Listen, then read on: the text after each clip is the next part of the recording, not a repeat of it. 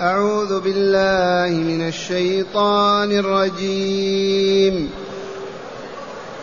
إن علينا للهدى وإن لنا للآخرة والأولى. فأنذرتكم نارا تلظى. لا يصلاها إلا الأشقى الذي كذب وتولى. وسيجنبها الأتقى الذي يؤتي ماله يتزكى. وما لأحد عنده من نعمة تجزى. إلا ابتغاء وجه ربه الأعلى ولسوف يرضى. أحسنت. معاشر المستمعين والمستمعات من المؤمنين والمؤمنات قول ربنا جل ذكره إن علينا للهدى. إن علينا للهدى. تقدم في الآيات المباركة الكريمة. قوله تعالى فأما من أعطى واتقى وصدق بالحسنى فسنيسره لليسرى. وأما من بخل واستغنى وكذب بالحسنى فسنيسره للعسرى. وما يغني عنه ماله إذا تردى وسقط في جهنم أخبر هنا فقال إن علينا للهدى. فمن أراد الهدى فليأتنا وليطلبه منا. نحن أهله أما غيرنا فإنه لا يملك ذلك أبدا. من طلب الهداية إلى ما يسعده إلى ما يعزه ويكرمه فليطلبه من الله عز وجل. هذا كتابه وهذا رسوله صلى الله عليه وسلم. إن علينا للهدى. يا من يريدون الهداية إلى ما يسعدهم ويكملهم في الدارين في الدنيا والآخرة فعليهم أن يقرعوا باب الله فعليهم أن يقفوا بين يدي الله فعليهم أن يطرحوا بين يدي الله راكعين ساجدين ويسألون الله تعالى الهدى يهديهم إلى ما فيه كمالهم وسعادتهم أما أن يطلب من غير الله فوالله ما يملكه أحد. الهداية بيد الله. فلا تطلب إلا منه فقط. إن علينا للهدى. ثانيا وأن لنا للآخرة والأولى. الدنيا لنا والآخرة لنا. نحن مالكوها لا يملكها سوانا. يا طلاب الدنيا اطلبوها منا. يا طلاب الآخرة اطلبوها منا. فإنه لا يملك الدنيا ولا الآخرة إلا نحن. هكذا يقرر تعالى فلم يبق من يعبد مع الله. ولا من يقرع بابه ولا من يسأل بين يديه أبدا. إذ الله عز وجل هو المالك للدنيا والآخرة. وإن لنا للآخرة والأولى هذه الدنيا. ملكها بيد ربنا يعطي ويمنع يضع ويرفع يعز ويذل. ومعنى هذا لا تلتفتوا إلى غير الله. لا تركع ولا تسجد لغير الله. لا ترجو ولا تطمع في غير الله. اعبدوا الله وأقبلوا على عبادته بقلوبكم وأجسامكم فإن الدنيا بيده والآخرة بيده. يسعدكم في الدنيا والآخرة. لم تشركون به غيره لم تعبدون أصناما وأوثانا؟ لم تستغيثون بأولياء وأنبياء؟ لم لم لم ما لكم عن الله؟ أما علمت أن له الآخرة والأولى. فمن علم أن الآخرة لله والأولى لله والله ما طلب من غير الله شيئا لا في هذه الدنيا ولا في الآخرة. وهذا هو معنى لا إله إلا الله محمد رسول الله. ثم قال تعالى فأنذرتكم فأنذرتكم نارا تلظى أي تتلظى تتلهب. أنذرتكم خوفتكم نارا هذا شأنها تتلظى. فتحرق العظام والأجسام.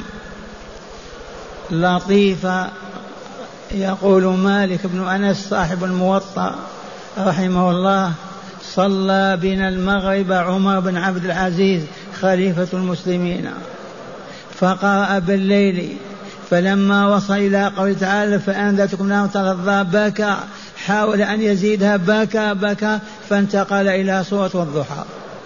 هذا من سادات التابعين. جده عمر بن الخطاب. بكى بكى ما استطاع. قال والضحى والليل سجى.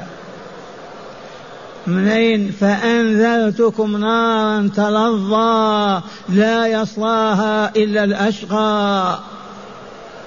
لا يحترق بها ولا يدخلها إلا الأشقى والأشقى هنا بمعنى الشقي والأزكى بمعنى الزكي لأن الآيات هكذا خواتمها لا فرق بينها الشقي والأشقى.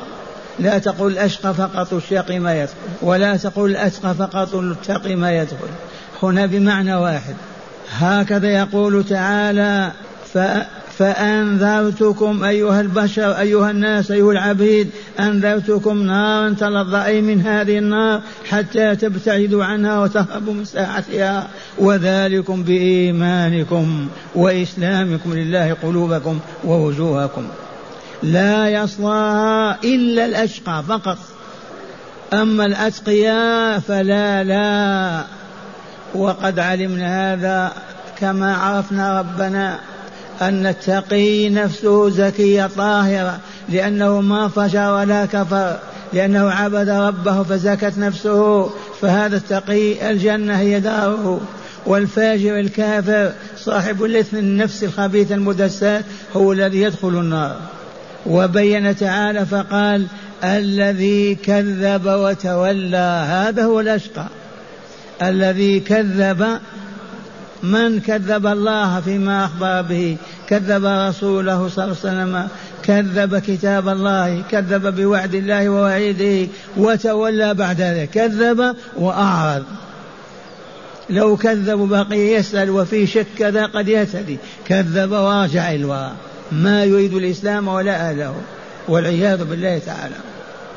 هذا هو الأشقى الذي كذب أولا وتولى ثانيا. قد يكذب المكذب وبعد ذلك يسأل ويبقى يبحث حتى يسمع. لكن إذا أعرض ورجع انتهى أمره. ما يؤمن ولا يسلم ولا يدخل في الإسلام. الذي كذب وتولى والعياذ بالله تعالى. ثم قال تعالى وسيجنبها. من هي هذه؟ النار. وسيجنبها من يجنبه إياه يبعده إياه بعيد عنها الله عز وجل. وسيجنب النار الذي ذكرنا الله وخوفنا منها سيجنبها الأتقى. وقد قلت لكم الأتقى والأشقى بمعنى التقي والشقي. وإنما السياق والليل إذا يغشى والنهار إذا تجلى وما خلق الذكر والأنثى إن سيكون شتى فناسب أتقى وأشقى. قال الذي نعم الذي كذب وتولى وسيجنبها الأتقى من هو؟ الذي يؤتي ماله يتزكى. أو بين لنا التقي من هو. يعطي ماله يتزكى به ويطيب نفسه ويطهره. في الجهاد في الصدقات في الإحسان في كل ميدان. الذي يؤتي ماله يعطي ماله لا هم له ولا غرض ولا هدف إلا أن تزكو نفسه وتطيب وتطهر. فقط. يعطي المال بالملايين ما عنده رجاء ولا أمل في شيء إلا أن يزكي الله نفسه. الذي يؤتي ماله يتزكى وما لأحد عنده من نعمة تجزى. وهنا نزلت الآية في أبي بكر الصديق. والله العظيم لقد اعتق عبيدا مؤمنين بأموال على رأسهم بلال بن أبي رباح. كان تحت جبار يعذبه ويضطهده فاشتراه وحرره. هكذا غيره عام بن بن فهير كان معذبا تعذيبا شديدا من طاغية من طغاة مكة فاشتراه بأموال كثيرة وحراه وأعتقه ليعبد ربه. كثيرون. ولهذا الآية منطبقة على الصديق انطباقا كاملا. الذي يؤتي ماله يتزكى يؤتي الذي يؤتي ماله الذي له يتزكى به. وما لأحد عنده من نعمة تجزى. ما عمل بلال معه شيء وأراد أن يرد عليه ما فعل معه. عام بن فهير ما فعل مع أبي بكر خيرا وأراد أن يرد عليه خيرا. لا أبدا لوجه الله. وما لأحد عنده من نعمة تجزى اللهم إلا ابتغاء وجه ربه الأعلى. ينفق مئة مليون ألف مليون كذا. ما له هم ولا غم أبدا إلا أن يرضى الله عنه. بعض الغافلين يعطي من أجل أن يشكر من أجل أن يذكر من أجل أن يدعى له من أجل أن يكون كذا من أجل أن يكون كذا. وهذه السبل كلها هابطة وساقطة. لن يكون إلا لوجه الله ليرضى عنك ويزكي نفسك. فقط. هذا أبو بكر الصديق ضرب به المثل هو الذي نزلت فيه هذه الآية. وما لأحد عنده من نعمة تجزى يكافئ بها أبدا.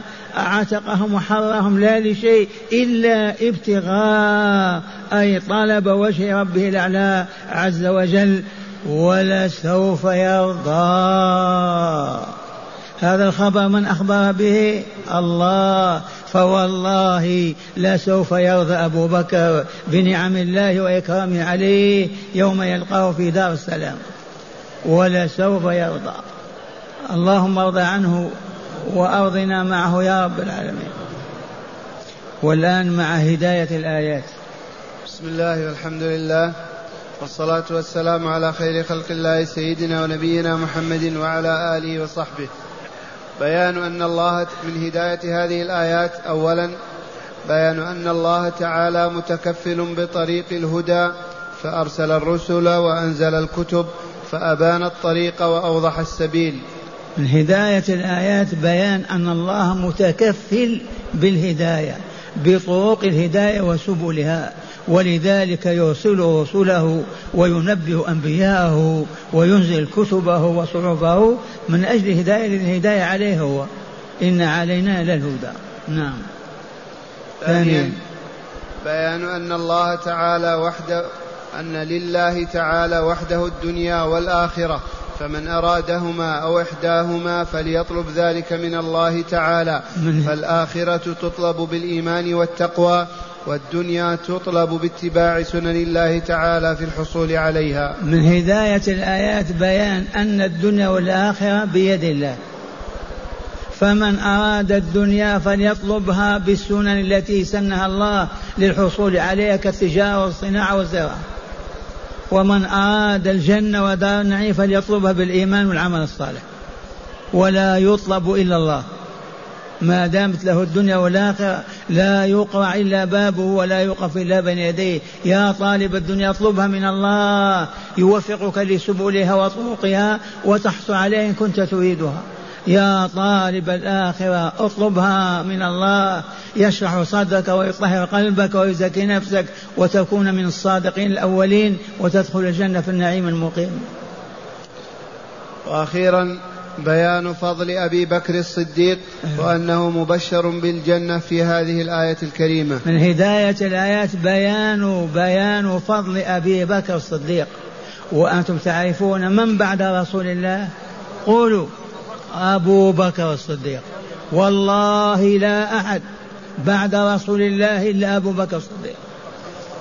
ومع هذا يوجد الهابطون الساقطون الضلال عملاء اليهود المجوس يكفرون أبا بكر ويسبونه.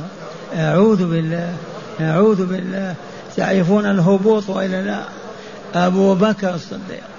الصديق نزل فيه القرآن والذي جاء بالصدق وصدق به هو أبو بكر. نستمع إلى آيات مجودة أيضا مرتلة. أعوذ بالله من الشيطان الرجيم. إن علينا للهدى وإن لنا للآخرة والأولى. فأنذرتكم نارا تلظى لا يصلاها إلا الأشقى الذي كذب وتولى وسيجنبها الأتقى الذي يؤتي ماله يتزكى وما لأحد عنده من نعمة تجزى إلا ابتغاء وجه ربه الأعلى ولسوف يرضى أحسنت.